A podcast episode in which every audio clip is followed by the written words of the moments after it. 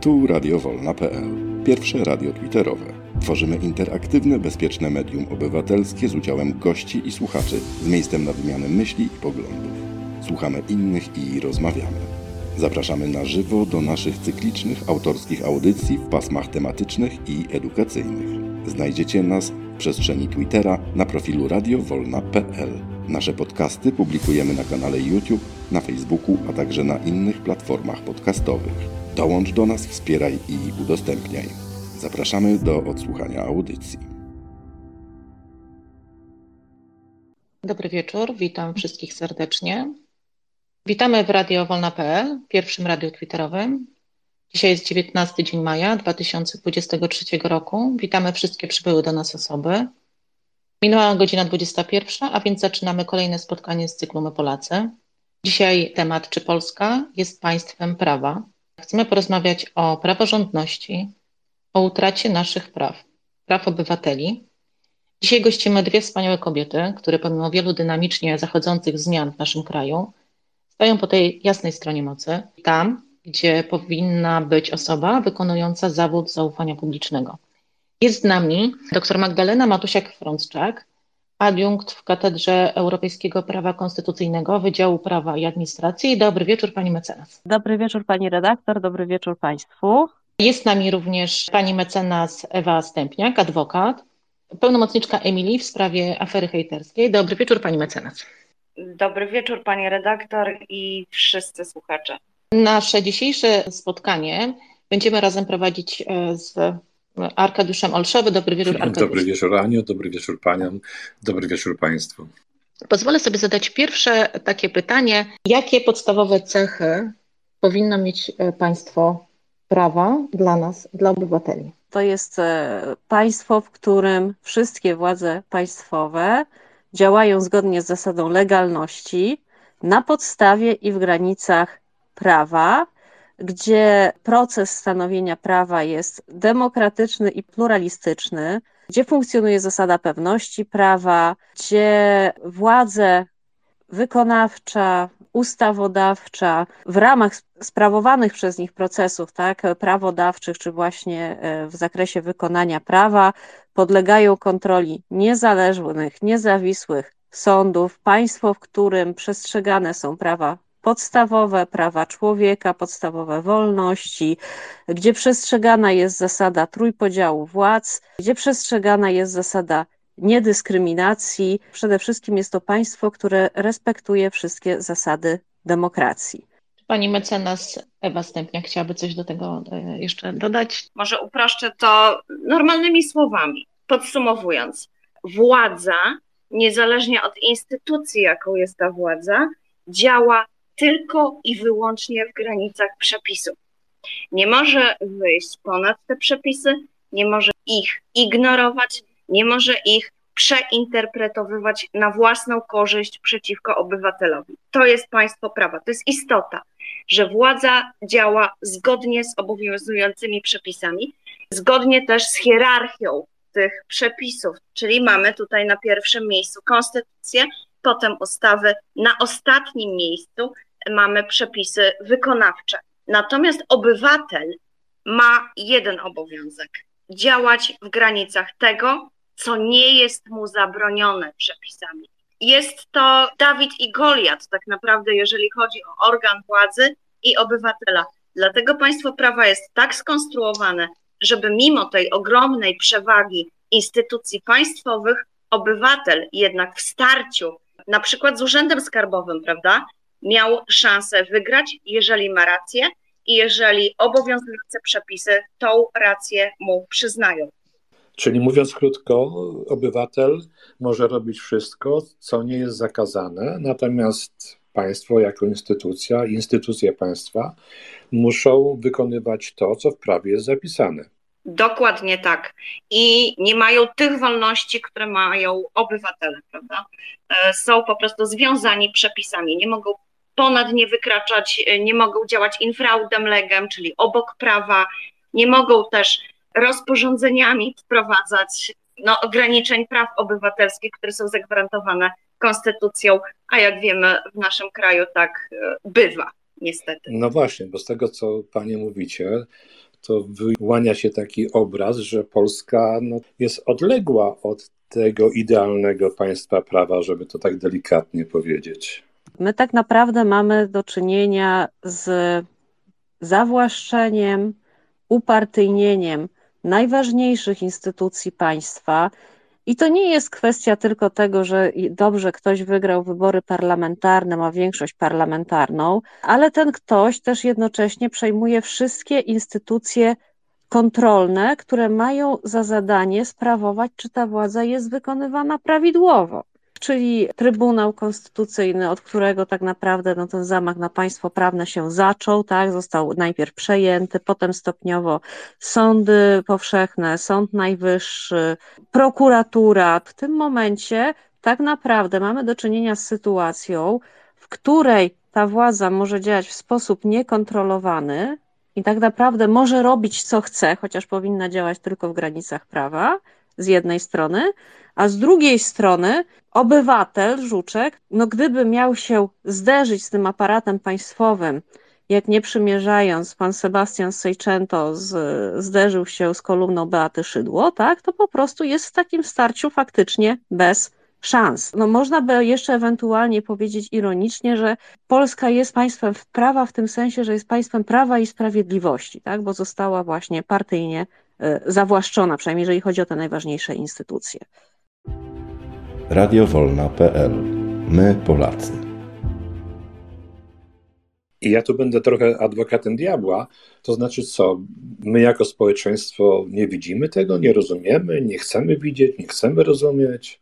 Ja to powiem na przykładzie tak zwanej ustawy inwigilacyjnej. Była to nowelizacja ustawy o policji, natomiast już nikt nie kojarzy o co chodziło z nowelizacją ustawy o policji, natomiast każdy kojarzy czym jest ustawa inwigilacyjna. Czy ludzie nie rozumieją? Ludzie bagatelizują pozbawianie siebie samych praw, podstawowych tak naprawdę praw, czyli prawa do życia prywatnego, prawda? Prawa do intymności. Poseł Brejza najlepszym jest y, przykładem. Bagatelizowali to w ten sposób, że co mi to szkodzi, ja nie mam nic złego nie zrobiłem, nie mam nic do ukrycia. Myśmy całą adwokaturą tak naprawdę walczyli. Chcieliśmy zaktywizować ludzi, uświadomić im, czym grozi ta nowelizacja o policji. Dosłownie byliśmy o krok od sprowokowania wyjścia na ulicę. Natomiast nie było najmniejszego zainteresowania. Ludzi nawet nie interesowało to, że są w tym momencie pozbawieni prawa do obrony rozmawiając na przykład z dziennikarzami, zdradzają samych siebie jako źródło informacji, że również tajemnica dziennikarska jest zagrożona, że ich tak zwane dane wrażliwe, czyli dane dotyczące zdrowia psychicznego, fizycznego, w tym momencie nie są żadną tajemnicą dla służb, że szeregowy policjant E, mając no, jakieś animozje w stosunku do danej osoby, która może być jego sąsiadem, e, która może być na przykład kolejnym partnerem żony, z którą się rozwiódł, no, usiłując ujawnić przestępstwo pod takim pozorem, wejść w posiadanie e, różnych danych i informacji o osobie z powodów całkowicie prywatnych i jest to bezkarne. Można to wykorzystywać na przykład celem zbierania haków E, szantażowania danej osoby potem takimi wrażliwymi na jej temat informacjami. Ludzie zupełnie nie byli tym zainteresowani. Zupełnie nie wiem, czy nie cenią swojej intymności, swojego życia prywatnego, nie rozumieją, co z tym można zrobić, jeżeli się chce. Ustawa inwigilacyjna przeszła. Ciężko mi się wypowiadać, nie jestem psychologiem społecznym, jakie tu mechanizmy E, zaważyły o tym, że no tak naprawdę społeczeństwo dało się powoli ugotować jak przysłowiowa żaba, a zaczęło się właśnie takim dużym uderzeniem, zaczęło się od ustawy inwigilacyjnej. Nie potrafię tego wytłumaczyć jako prawnik, tej reakcji, w zasadzie braku reakcji, bagatelizowania przez społeczeństwo. Być może ludzie uważają, że jeżeli nie popełnią żadnego przestępstwa, to ich to nie dotyczy. Natomiast nie myślą o tym, że mogą być pokrzywdzonym przestępstwem, y, że mogą być y, pokrzywdzonym y, w sprawie, co często się zdarza, phishingu, prawda? I w tym momencie przeciwko nim zapadnie wyrok zasądzający no, nieistniejące akurat od tej osoby zobowiązania. I taka sprawa znajdzie się w sądzie, mimo że człowiek żadnego przestępstwa nie popełnił. Ludzie nie myślą o sobie w kategoriach ofiary, a wykluczają myślenie o samych sobie jako potencjalnych przestępcach. Dlatego też e, akurat temat sądownictwa jest im odległy. Ale mówię, no, temat inwigilacji powinien być bardzo bliski. Naprawdę ciężko mi powiedzieć, z jakiego powodu akurat taki, w takim społeczeństwie żyjemy. Nie, tak naprawdę nieświadomym zagrożeń. Spora część naszego społeczeństwa mimo wszystko protestuje, próbuje e, walczyć. Powiem tak, no oprócz tego, że ktoś może być ofiarą, tak, to ktoś może mieć no, tego pecha, żeby znaleźć się tak w złym miejscu, w złym, w złym czasie, a ktoś może mieć po prostu pecha, dlatego że nie wiem, będzie miał spór z sąsiadem o miedzy i akurat ten sąsiad się okaże e, członkiem aktywu partyjnego, tak, mogą go spotkać zupełnie jakieś inne takie drobne rzeczy, z którymi w końcu będzie musiał trafić do sądu. No i tam będzie musiał liczyć na to, czy trafi na kogoś, kto rozpozna sprawę obiektywnie, no czy jednak nie zadziałają jakieś inne czynniki, tak, poza prawne, pozadowodowe, które spowodują, że wynik sprawy zostanie wypaczony. Więc to się wydaje tak naprawdę odległe, ale tak naprawdę to wszystko dotyka nas codziennie na każdym kroku, tak? Ja tu przepraszam, no mnie przecież tutaj... wyobraźni tak? widzę taką sytuację, gdzie faktycznie ktoś staje przed sądem, po czym sędzia, który jest z określonej opcji politycznej, czyli z nadania nam miłościwie panujących i rządzących. W social mediach na przykład sprawdza, kim jest ta osoba, jakie ma poglądy, jakie zamieszcza posty i tak dalej. I na tej podstawie kreuje czy wydaje wyrok. Czy taka sytuacja jest w ogóle możliwa? Ja powiem, bo na własnej skórze tego doświadczyłam. I tutaj nie chodzi o tą stronę, tylko to chodzi o osobę obrońcy. Wskutek tego, że występowałam jako pełnomocnik. No, tutaj na Twitterze ta osoba występowała jako mała Emi.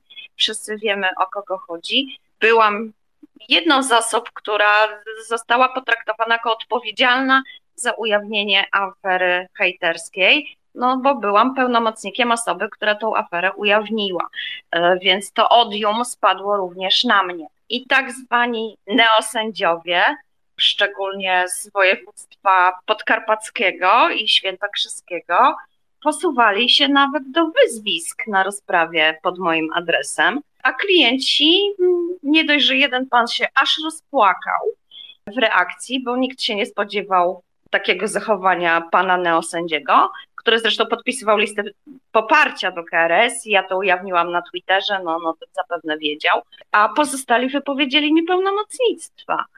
Ponieważ obawiali się, że ta nienawiść w stosunku do ich obrońcy odbije się na orzeczeniach w ich sprawie, no bo tak naprawdę tak było. Radio Wolna.pl Pierwsze radio twitterowe.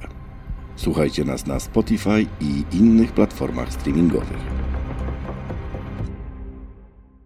Aniu, proszę. Ja jeszcze wrócę do takiej świadomości społecznej, bo przypomnijmy sobie, że ten proces e, zabierania nam praw i podważania e, praworządności w e, kraju no, trwa systematycznie od 8 lat. I jak to określają niektórzy obserwatorzy, badacze, że to jest właśnie taka metoda salami, plasterek po plasterku cieniutko.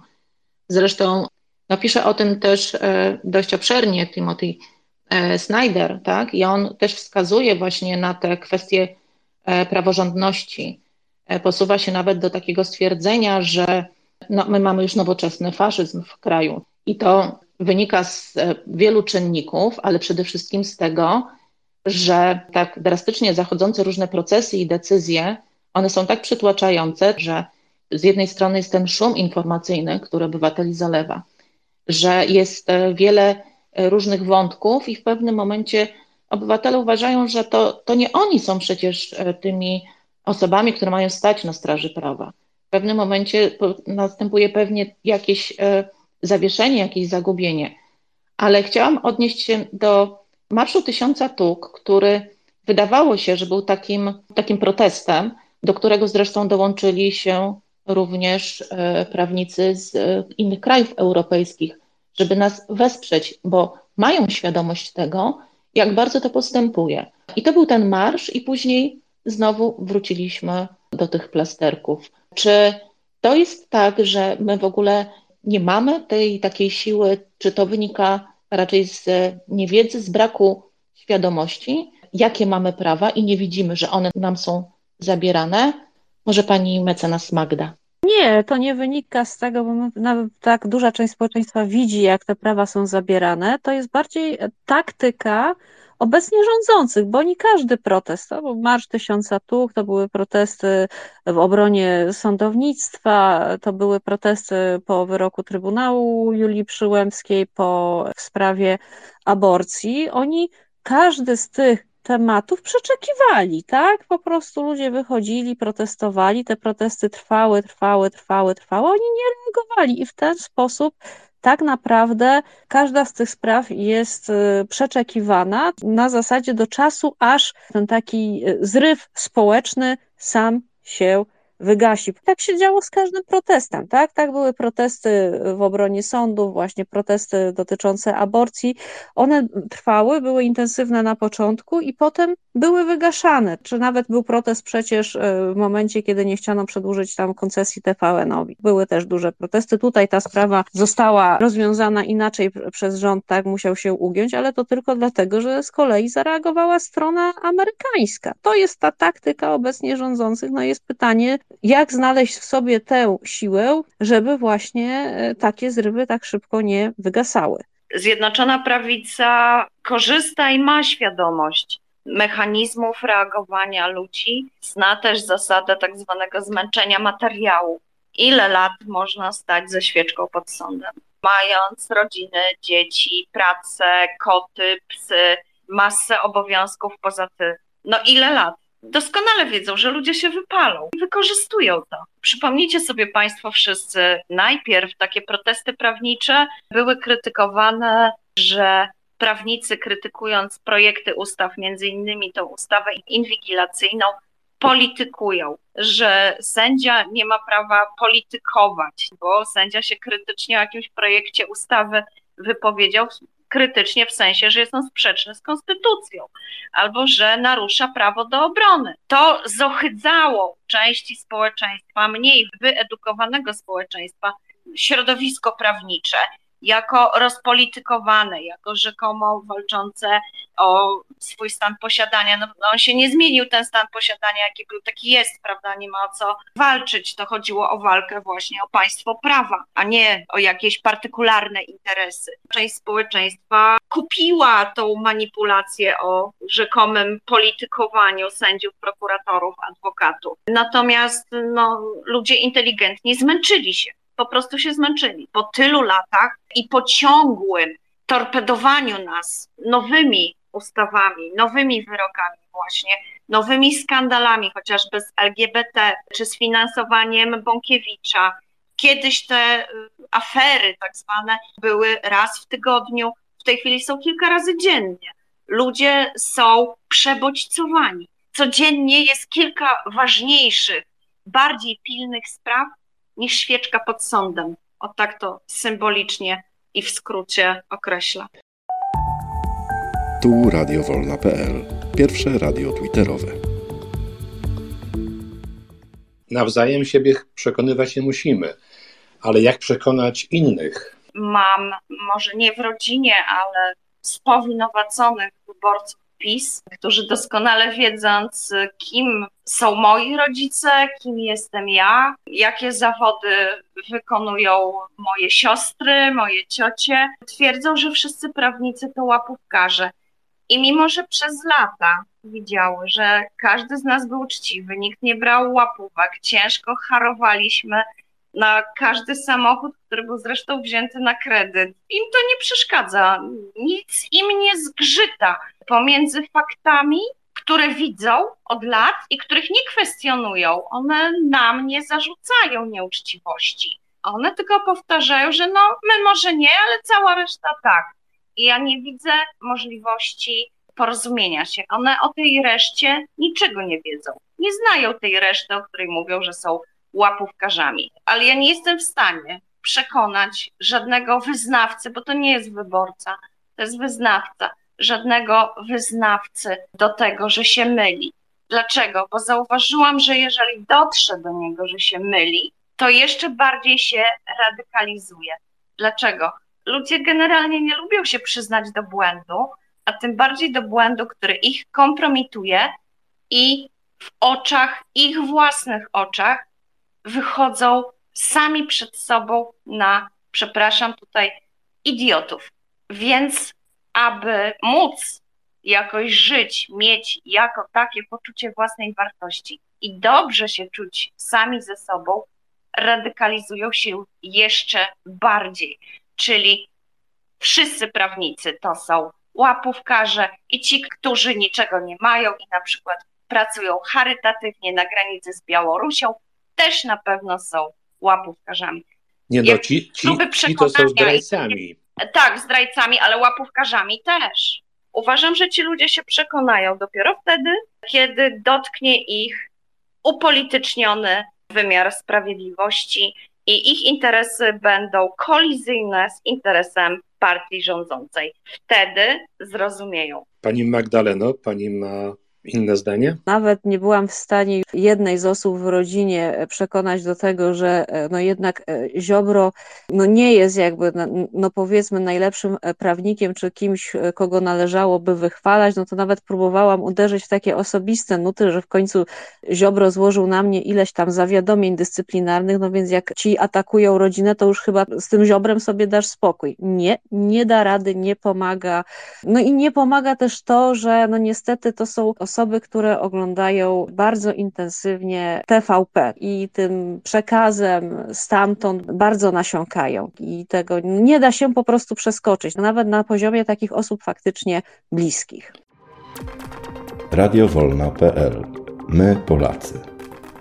Oddajmy teraz głos naszym słuchaczom. Max, witam cię serdecznie, oddaję ci głos. Chętnie wrócę do tego salami. Ta alegoria bardzo mi się podoba. Zjednoczona Prawica pracuje nad tym salami w bardzo przemyślany sposób. Czasem ukroi jakiś grubszy kawałek, który powoduje długie protesty, a czasem tylko przyłoży nóż, ale nie kroi. W tym miejscu, na który wszyscy patrzą i, i się oburzają, a przykłada nóż drugi, żeby odciąć cieniutki plasterek albo, albo tam powiedzmy nawet pół plasterka, tak jak na przykład teraz procedowana ustawa dotycząca konfiskaty mienia osób podejrzanych o jakieś przestępstwa gospodarcze czy inne.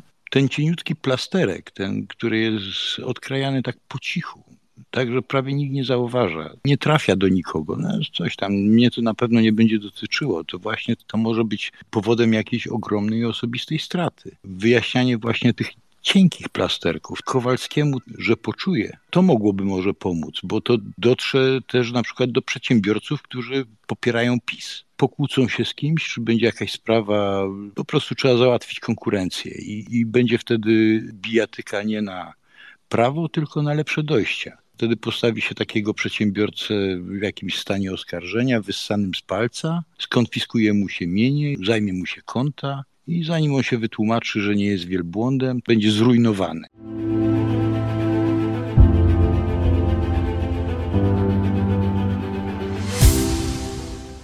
Mam na imię Kamil. Jeżeli chodzi o pytanie, czy Polska jest państwem prawa, to jest doskonałe pytanie, natomiast istotne jest to, gdzie je zadajemy i komu. Bo jeżeli pojedziemy na tak zwaną prowincję, z której ja się e, wywodzę, tam nie czuję, że PiS zabiera jakąkolwiek demokrację. I jeżeli weźmiemy pod uwagę fakt, że dzisiaj opozycja, żeby wygrać wybory, potrzebuje głosów no właśnie ludzi z prowincji, którzy w znakomitej większości głosowali na PiS, to dzisiaj musimy sobie powiedzieć, że mówienie o tym, że nie ma w Polsce demokracji czy państwa prawa, tych ludzi nie przekona do tego, żeby głosowali na opozycję, bo oni nie czują tego, że demokracja jest im zabierana.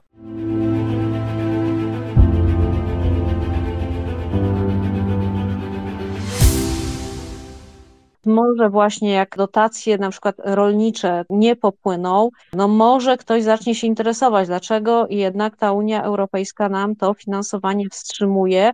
No tylko tutaj znowu jest to ryzyko, czy te osoby nie zostaną przekonane, e, że wina nie leży po e, stronie e, rządu i prawodawcy, który robi to, co robi, tylko będzie, że tak, a może to ta niedobra Unia, może to ta niedobra opozycja, która jest właśnie zdrajcami, nadaje na Polskę za granicą i tak dalej, i tak dalej, tak? Więc tutaj może to jest ten, z tym przekazem trzeba dotrzeć, żeby tym osobom wytłumaczyć na przykład, kto będzie winny tego, że te osoby w danym roku nie dostaną tych na przykład dopłat rolniczych. Może prędzej w ten sposób.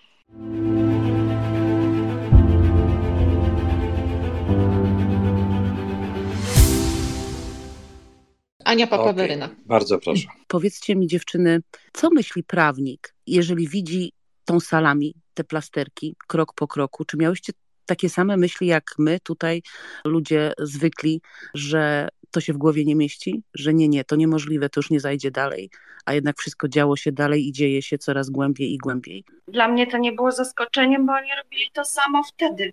Tylko mówię, nie mieli wówczas upolitycznionych sądów, upolitycznionego Trybunału Konstytucyjnego, nie mieli wprowadzonych swoich partyjnych lokajów do Sądu Najwyższego, więc te ustawy im padały, prawda, po stwierdzeniu niezgodności z konstytucją.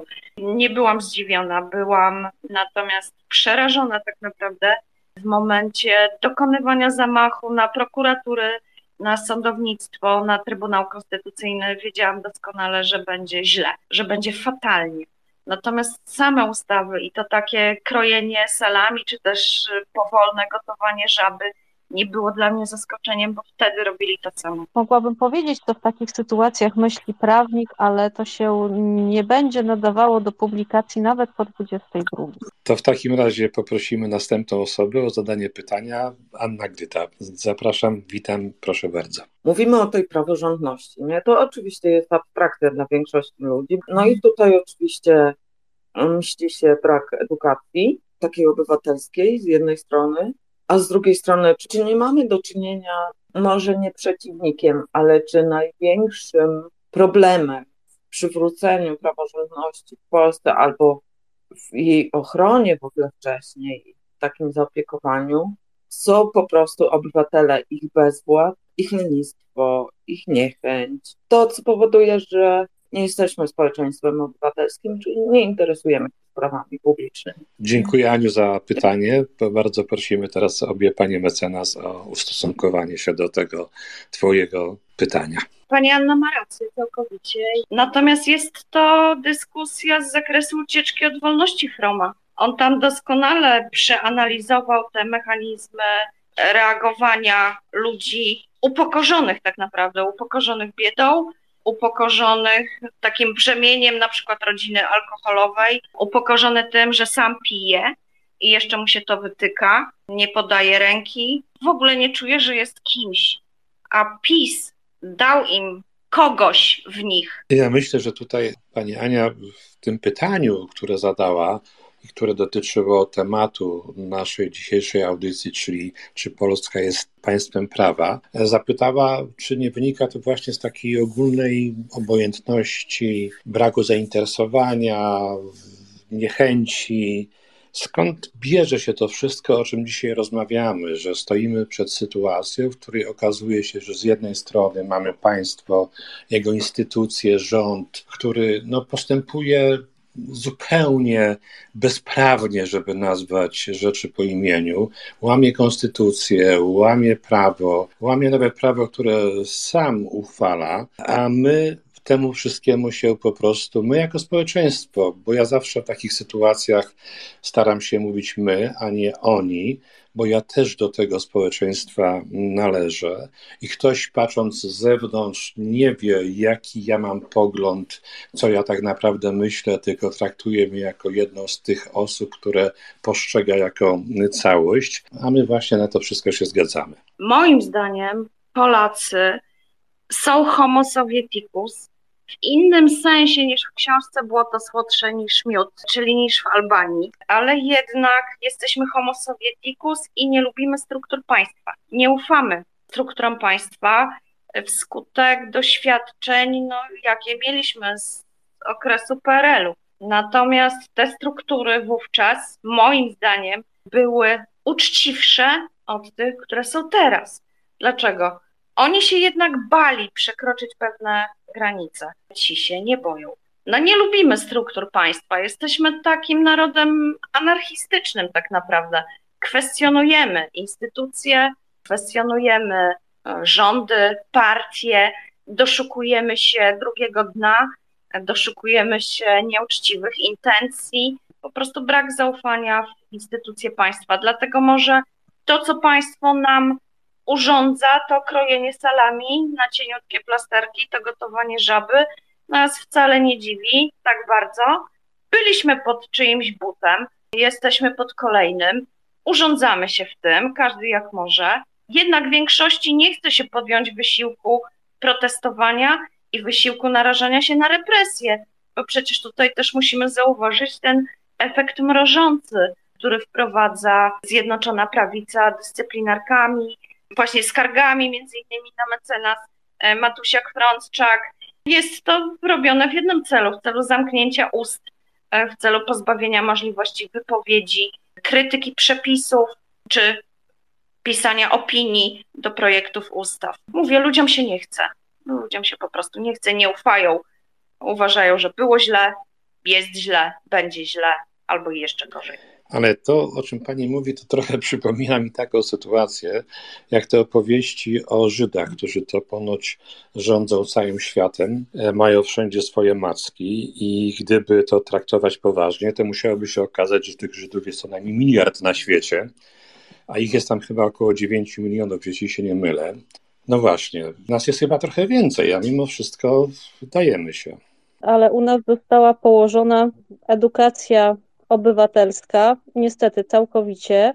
Mamy bardzo duży brak właśnie w zakresie uczenia takich podstaw, nie tylko właśnie wiedzy o społeczeństwie, tak, ale podstaw, nie wiem, ekonomii, prawa. Mają też w tym swój duży udział e, media, które, no nie ukrywajmy, kształtują obecną rzeczywistość, to jak e, świat jest postrzegany. Brak jest często takiego krytycznego spojrzenia mediów na to, co jest mówione, brak jest reakcji, kiedy e, jeden czy drugi polityk przychodzi wykrzykiwać przekaz dnia na to, żeby powiedzieć, że w tym miejscu mógł na przykład przerwać, sprostować. Dziennikarz przygotowany do e, programu powinien móc coś takiego zrobić. I problem polega na tym, że w tym momencie ta strona, która domaga się praworządności, ma przeciwko sobie w zasadzie cały aparat medialny, telewizja polska, polskie radio i wszystkie tutaj te programy powiązane, tak, czyli TVP2, TVP3, program pierwszy, drugi, trzeci e, Polskiego Radia,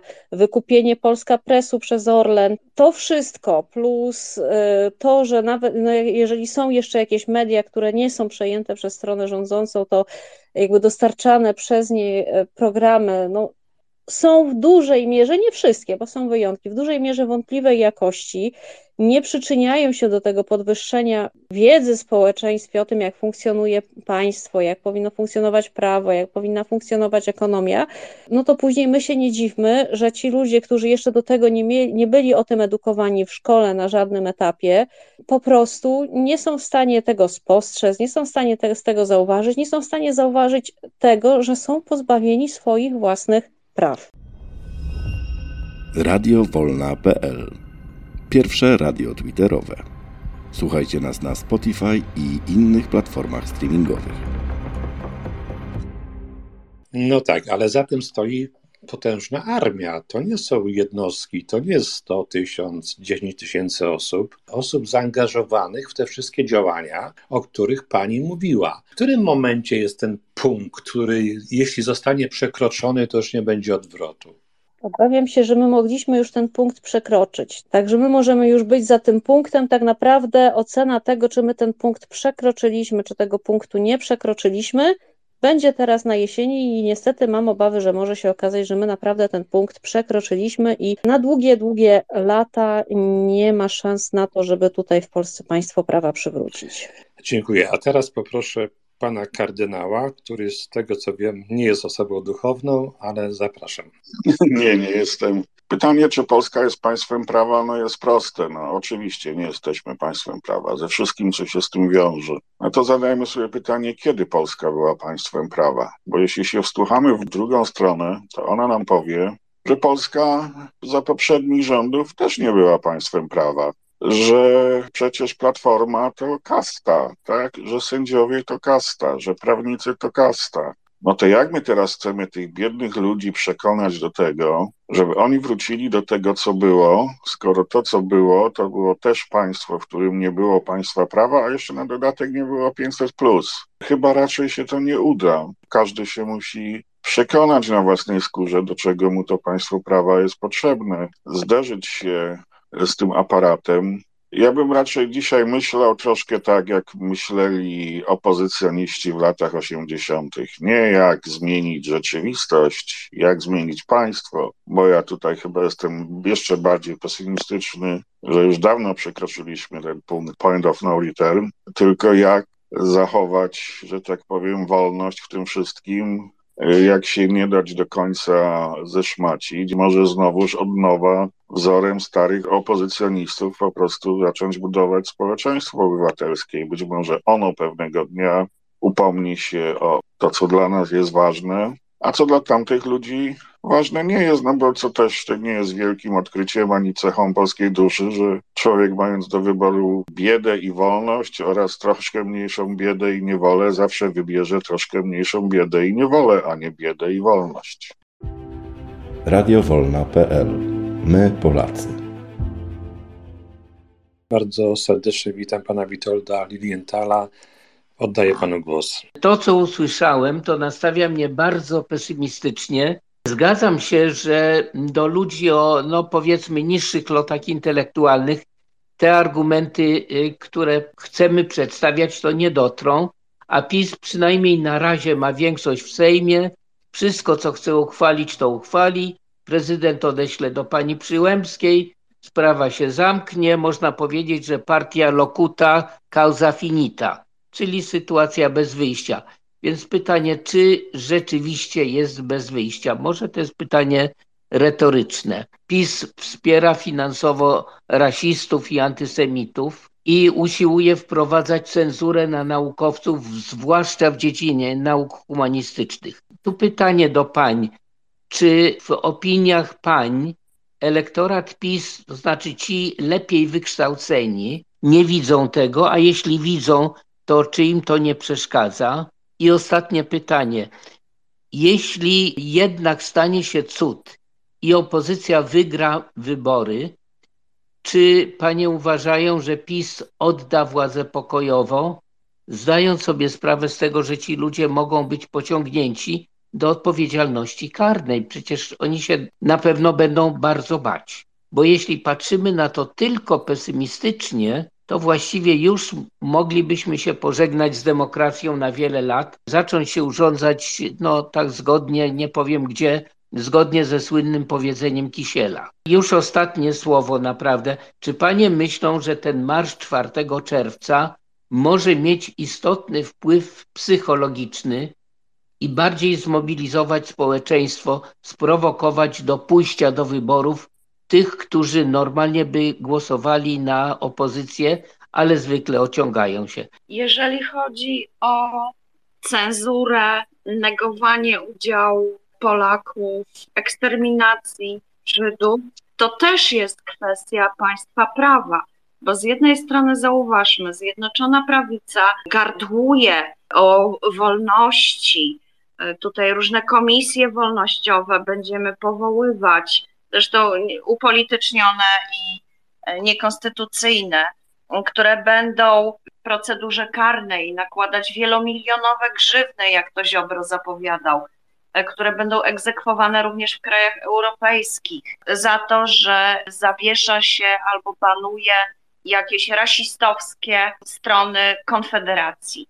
A z drugiej strony sami banują finansowo i no, ostracyzmem opinię innych osób. Czyli wolność tak, ale tylko dla nich. Natomiast wszystko, co odbiega od linii partyjnej, to już y, wolność im nie przysługuje. Ja to również widzę bardzo pesymistycznie. Jeżeli chodzi o mm, drugie pytanie, nie, nie jesteśmy w stanie dotrzeć. Nie jest to kwestia wykształcenia, to jest cynizm polityczny. Te osoby nie poszły na stanowiska w spółkach państwowych, czy w rządzie, czy na asystentów, neosędziów, którym służą za lokaja, można tak wymieniać w nieskończoność, z powodu swojego wykształcenia.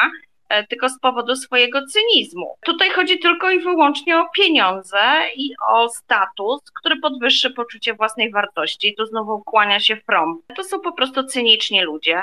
Gdyby opozycja wygrała wybory, e, to niestety e, będzie musiała tych chciwych cyników politycznych wyeliminować z obrotu i politycznego, i prawnego całkowicie, ponieważ są to ludzie nieuczciwi. Jest to również brak uczciwości w stosunku do własnego wykształcenia. Czy 4 czerwca marsz może zmienić y, świadomość, pociągnąć za sobą kolejne osoby? Myślę, że tak.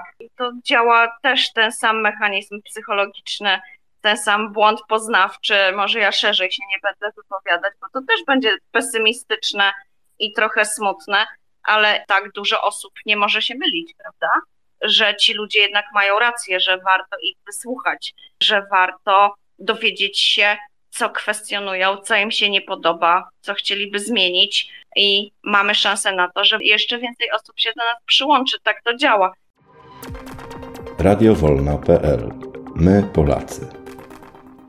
Problem z poprzednimi władzami polegał na tym, że tam e, pewne zjawiska, które dzisiaj występują w PiSie, też występowały. One były negatywne, też występowały i to też można było zaobserwować. PiS po prostu doprowadził je do perfekcji. Jeżeli chodzi nawet o obronę sądów, to my to widzimy na różnego rodzaju forach adwokackich, e, gdzie u nas naprawdę e, bardzo wielu adwokatów po prostu wyraża opinię, że idą bronić zasad, e, idą bronić praworządności, demokracji. Sądy miałyby wrócić do tego, co było, to nikt tego tak naprawdę nie chce i tego nikt by nie bronił, bo e, w sądownictwie też działo się dużo złego, tylko no to, co robi Ziobro i spółka, to nie jest remedium, to nawet nie jest leczenie dżumy cholerą, tylko to jest po prostu dolewanie benzyny do płonącego budynku. No właśnie problem polega na tym, że były takie rzeczy, które były do zrobienia, czy to z tym finansowaniem, czy też sądownictwo powinno być zreformowane, powinno być bardziej proobywatelskie, bo my też to na co dzień w swojej pracy widzimy, tak, że, że w sądach nie widzi się człowieka, to powinni zacząć dostrzegać sędziowie, to powinni zacząć dostrzegać rządzący. Tego nie było nastał PiS, który powiedzmy tak, dał te pieniądze, nie kryje się z tym tak, że kradną, no ale teraz panuje to przekonanie, tak, kradną, ale się dzielo, tak, więc, więc dlatego tutaj to też już było przez kogoś wspomniane, tak, że no co prawda tak, ci biorą dla siebie, ale tam y, chociaż się dzielą tym 500 plus pozostawiają te pieniądze y, w kieszeni obywatela.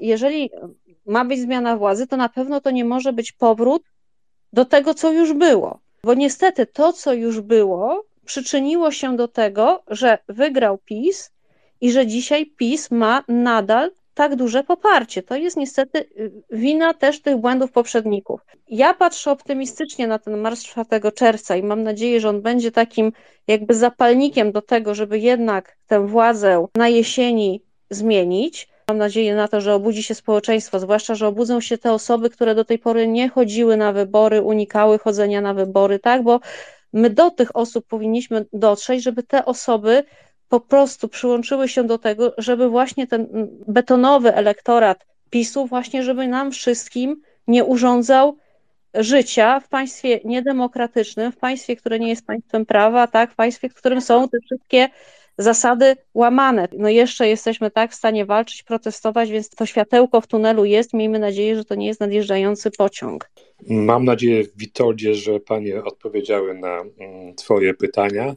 W tej chwili y, oddaję głos kolejnym słuchaczom, Tobie dziękując za, za wypowiedź i za to pytanie, a właściwie pytanie, jakie zadałeś. A y, widziałem, że w międzyczasie, czy wcześniej, Pani Anna Gryta chciała jeszcze zadać pytanie albo podzielić się swoją opinią na temat tego, o czym tutaj dzisiaj rozmawiamy. Pani Aniu, proszę bardzo. Jeżeli mówimy w ogóle o tym, że chcemy, żeby ci ludzie się angażowali i żeby się angażowali też czy choćby poszli na wybory ludzie, którzy nie głosują, no to musimy sobie zadać najpierw pytanie, dlaczego oni tego nie robią. To jakby ten grill i jakieś tam inne sprawy ważniejsze to jest jedna rzecz, ale druga rzecz to jest właśnie kompletny brak zaufania do państwa, czyli brak wiarygodności polityków, którzy lekcji nie odrobili. Bo powiem tak, jeżeli jeden moich reprezentantów jest u mnie raz na dwa lata, a na przykład, nie wiem, przedstawiciele PiSu są co miesiąc, przez całą kadencję, nie tylko w okresie wyborczym, no to chyba pora odrobić lekcję. To nie buduje tego zaufania, bo to znaczy, że ten głos obywatela jest nieistotny. I jeśli nie zaczniemy tego budować od samorządu i zachęcać ludzi, ale nie jakieś tam organizacje czy jakiś aktywiści, tylko radni, burmistrzowie naprawdę wyjdą na ulicę i będą zachęcać tych ludzi i uczyć tych ludzi, że ich głos naprawdę ma znaczenie, że oni naprawdę się z tym e, głosem liczą i że oni biorą go pod uwagę, to niczego nie zbudujemy. Czy można to zrobić już teraz? Tak, można. Można na poziomie samorządu wyjść i pokazać tym ludziom, że ich głos naprawdę ma znaczenie. Do istnienia państwa prawa potrzebne jest społeczeństwo obywatelskie. Do istnienia społeczeństwa obywatelskiego potrzebne jest państwo prawa. To są takie dwie rzeczy, które muszą funkcjonować równocześnie. Jeżeli nie będzie społeczeństwa obywatelskiego, no to niestety władza deprawuje, po prostu może w pewnym momencie rozpocząć się proces wprowadzania władzy autorytarnej, tak jak to się dzieje u nas w tym momencie. Tam, gdzie jest silne społeczeństwo obywatelskie, spójrzmy na to, co się dzieje w Izraelu. Tam protesty, bardzo liczne protesty przeciwko wprowadzeniu podobnych reform do sądownictwa, jakie są w Polsce, odbywają się regularnie, nie ustają i są to gigantyczne protesty. Tam to społeczeństwo obywatelskie się wykształciło. Z drugiej strony, no władza, która wie, że ma do czynienia ze społeczeństwem obywatelskim, wie, że do pewnych rzeczy się nie może posunąć, no i pewnych zapędów autorytarnych na przykład nie może realizować. U nas władza wie, że nie ma tego społeczeństwa obywatelskiego, no więc gotuje żabeł. Tu radiowolna.pl, pierwsze radio twitterowe. Jeżeli chodzi o taki przekaz ludzkim językiem, prawda, bo wiadomo, że fachowo, to mało kto zrozumie wypowiedzi. Na pewno trzeba uszczególnić zasady wyboru członków KRS. No, konstytucja to określa, wydawało się, że w sposób jasny. PiS przeinterpretował przepisy konstytucji w taki sposób, że teraz już nikt nie wie, z ludzi oczywiście, nie będących prawnikami, kto ma rację, jakich przekonać do tego, że członków KRS, czyli ludzi, e, którzy będą decydowali o tym, kto będzie sądził ich sprawę, powinni wybierać sami sędziowie na podstawie wyników pracy merytorycznej, a nie przekonań politycznych. Sądzę, że do ludzi taki argument powinien dotrzeć. No, reforma jest konieczna. Jak to zrobić, żeby prawo stało się imperatywem? No przede wszystkim no, żaden niedołóg na stanowisku ministra sprawiedliwości i prokuratora generalnego nie może e, grozić sędziom, e, że jeżeli będą przestrzegać wyroków Trybunału Międzynarodowego, który według, już nawet nie mówię jakiego, bo tutaj chodzi o wyrok takiego trybunału, którym Polska jest związana na podstawie międzynarodowych ratyfikowanych przez siebie konwencji. Minister nie może grozić sędziom, że za przestrzeganie tych wyroków, którymi przecież Polska jest związana, e, będą im grozić represje w postaci czy dyscyplinarek, czy zsyłki do jakiegoś wydziału z gałęzi prawa, o którym nie mają zielonego pojęcia, bo przez 30 lat orzekali w wydziale na przykład karnym, a zsyłani są do wydziału rodzinnego. Tak nie może być. Nie może być też tak, że minister oficjalnie, publicznie wypowiada się, że jakiegoś wyroku nie uznaje, nie będzie go przestrzegał. E, albo inny twierdzi, że nie liczy się prawo, nie liczą się przepisy, tylko liczy się duch tego prawa.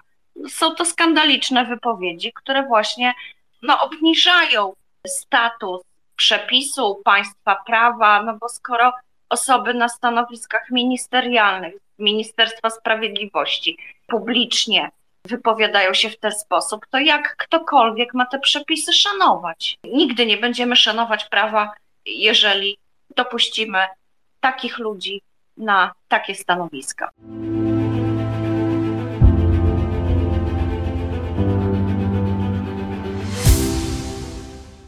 Ja wiem, że niektórzy byliby za opcją zero, czyli wycinamy w pień to wszystko, co się zadziało po 2015 roku, tylko problemem jest to, że obecnie w sądach powszechnych po neo-KRS-ie jest już 40% sędziów. To są naprawdę miliony procesów, albo nie procesów, jak w postępowaniu cywilnym, się zdarzają e, zakończonych. To są e, nie tylko e, takie sprawy, gdzie były sporne i ktoś może mieć interes we wznowieniu postępowania, bo orzekał tak zwany neosędzia, ale to są sprawy, gdzie ludzie chcą mieć załatwione e, już e, definitywnie. To jest kwestia, nie wiem, rozwodów, spadków, innych rodzinnych, jak kontakty z dziećmi, miejsce zamieszkania dzieci. No nie można zrobić tego tak, że wyleje się dziecko z e, kąpielą, powie się, no dobrze, więc te wszystkie nominacje to są całkowicie anulowane i to wszystko, co się stało z udziałem z tych osób też jest absolutnie anulowane, nie patrząc na interesy tych osób, które były podsądnymi w tych sprawach, bo to są miliony obywateli, miliony Polaków, Którzy mieli pecha, że w tym czasie akurat musieli stać się klientami wymiaru sprawiedliwości. My nie możemy wylewać dziecka z kąpielą i powiedzieć, że no blisko 40% spraw, które zostały prawomocnie zakończone w ostatnich latach, po prostu mają być całkowicie anulowane, no bo na tym też e, po prostu ucierpią ludzie, którzy no nie widzą interesu w tym, e, po obu stronach nawet czasami sporu, e, żeby ich proces całkowicie anulować, miałby się toczyć od początku. To będzie trudna reforma, to nie będzie nic prostego. Która władza zrezygnuje z takiej władzy? Ja nie sądzę, żeby aktualna opozycja zniżyła się do takiego dna i wykorzystywała nawet przeciwko przestępcom ze Zjednoczonej Prawicy, e, bo tutaj o korupcji politycznej to nie mówiliśmy, ale to jest temat rzeka, wykorzystywała te przepisy, e, które pozwoliłyby, no chociażby z uwagi na konfiskatę rozszerzoną, zająć natychmiast wszystkim majątki. Od razu. Jeszcze przed wyjaśnieniem sprawy, no bo zarzuty są, podejrzenia są, e, więc zajmujemy całej rodzinie cały majątek.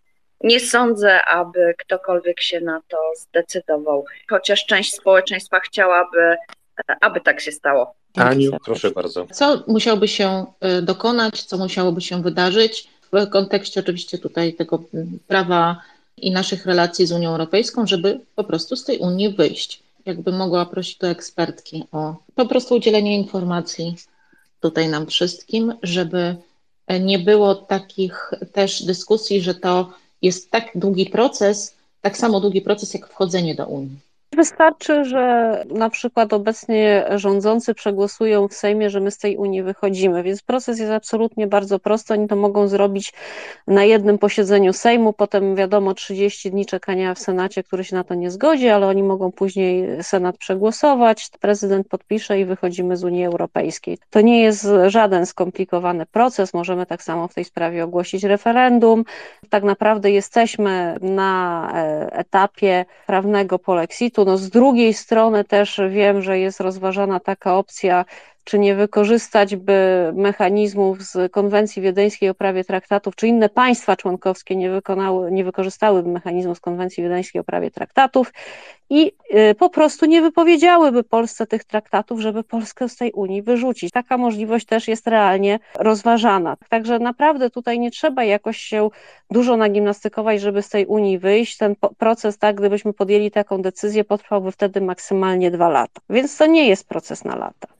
A potem, żeby tam do tej Unii wrócić, to myślę, że już nie tak bardzo i nie tak szybko by nas chętnie przyjęli, gdyby Polska w końcu no, się ogarnęła jakoś. Ja jeszcze mam jedno pytanie, nie byłabym sobą, gdybym nie zadała e, dotyczącego kwestii sytuacji e, na pograniczu polsko-białoruskim. Zakładając hipotetycznie, że za jakiś czas po zebraniu wielu dowodów, po różnych innych procedurach jest taka możliwość, żeby państwo czy instytucje państwa były w jakiś sposób osądzone e, z tych przestępstw, które w tej chwili się na granicy dokonują? Oczywiście, że tak. Przecież to jest y, po pierwsze przekroczenie uprawnień. Po drugie, tutaj mamy do czynienia i z narażeniem zdrowia i życia wielu ludzi, nieprzestrzeganiem elementarnych przepisów, chociażby y, dotyczących pozbawienia ludzi, uchodźców, prawa do złożenia wniosku. Co organy zrobią z wnioskami o udzielenie azylu, o przyznanie statusu uchodźcy politycznego, to już sprawa organów, ale fakt, że służby uniemożliwiają chociażby złożenie takiego wniosku, no to już jest przestępstwo. Ja już nie, nie wspominam o wypychaniu przez druty z powrotem na terytorium Białorusi. Ci ludzie będą mieli sprawy karne i będą w tych sprawach skazywani. Prokuratura Ziobry, mówimy Ziobrokratura, owe sprawy będzie na pewno umarzała ponieważ mamy tak zwany nowoczesny faszyzm i każdy, kto ma e, chociaż troszeczkę inny kolor skóry, to jest nasz y, wróg, ale w momencie, kiedy do sądów i prokuratur wróci praworządność, e, to te osoby odpowiedzą za swoje przestępstwa. Oni nie są bezkarni, mają tego pełną świadomość, e, czego dowodem jest sprzed kilku miesięcy histeria osób umundurowanych, które przyczyniły się do zgonu, pogorszenia stanu zdrowia na granicy białoruskiej. Oni bardzo się denerwują okolicznością, że popełniają przestępstwa, ale niczego nie robią, aby ich nie popełniać. Natomiast no, odpowiedzą za to, to szybko się nie przedawnią te czyny. Radiowolna.pl My Polacy. Krótko podsumowująco, jesteśmy zgodni, że Polska nie jest państwem prawa i że tę praworządność trzeba będzie przywrócić, że tutaj dużym takim zapalnikiem może być właśnie ten marsz 4 czerwca i takim testem dla e, naszej jednak siły demokracji, tak, czy ona jest silna, czy nie, będą najbliższe wybory zgodziliśmy się wszyscy, że e, nie można wrócić do tego, co było, bo tak jak było, to nie było dobrze, ponieważ i wiele osób pozostawało wykluczonych i zaniedbanych, i również były pewne patologie w sądach, które należałoby e, wyeliminować. Natomiast ten stan tak naprawdę obecna władza tylko pogorszyła. To, co jest jeszcze istotne, to e, to, to że jeżeli przy najbliższych wyborach dojdzie do zmiany władzy, to na pewno nie możemy mieć do czynienia z taką sytuacją, że to wszystko nie zostanie naprawione i że sprawcy tych wszystkich naruszeń nie będą ścigani, tak, że to ściganie zostanie zaniechane. Bo ja myślę, że jeżeli e, opozycja wygra i zaniecha tego ścigania, zaniecha przywrócenia praworządności, będzie wykorzystywać te bezprawne mechanizmy PiSu, to wyborcy opozycji, którzy są krytyczni wobec swoich wybrańców, że tak powiem, tak, nie przyjmują bezkrytycznie tego, co wybrańcy robią, odwrócą się od tej opozycji i więcej też na nich nie zagłosują. Już tutaj nie da się tym razem pójść w taktykę taką, że ktoś zatrzaśnie się w toalecie, jak będzie wniosek o Trybunał Stanu, czy zatrzaśnie się w windzie, czy nie przyjdzie, bo będzie miał jakieś inne ważne E, ważne sprawy. Sprawy zaszły za daleko i, i tutaj niestety to rozliczenie musi nastąpić. Dziękuję bardzo. Pani Ewo. Magda w zasadzie powiedziała wszystko, więc ja zakończę przestrogą do wszystkich, ponieważ PiS e, do perfekcji opracował sposób, jak wprowadzić zmiany w prawie bez wyprowadzania ludzi na ulicę. Proszę Państwa, patrzmy na ustawy o zmianie ustawy i tu jakaś pozornie nieważna nazwa tej ustawy oraz innych ustaw. Czytajmy od początku do końca. Bardzo istotne zmiany, również dotyczące praw i wolności obywatelskich, również prawa karnego są wprowadzane tylną furtką właśnie w ustawę o zmianie ustawy pozornie tego prawa karnego czy praw i wolności obywatelskich nie dotyczących. Czytajmy to. To jest też wyjątkowa nieuczciwość prawicowego ustawodawcy. Także stosujmy tą zasadę nieograniczonego braku zaufania, jeżeli chodzi o ustawodawstwo aktualnej epoce PiS. W Radiu Wolna.pl słuchaliście audycji z cyklu My Polacy.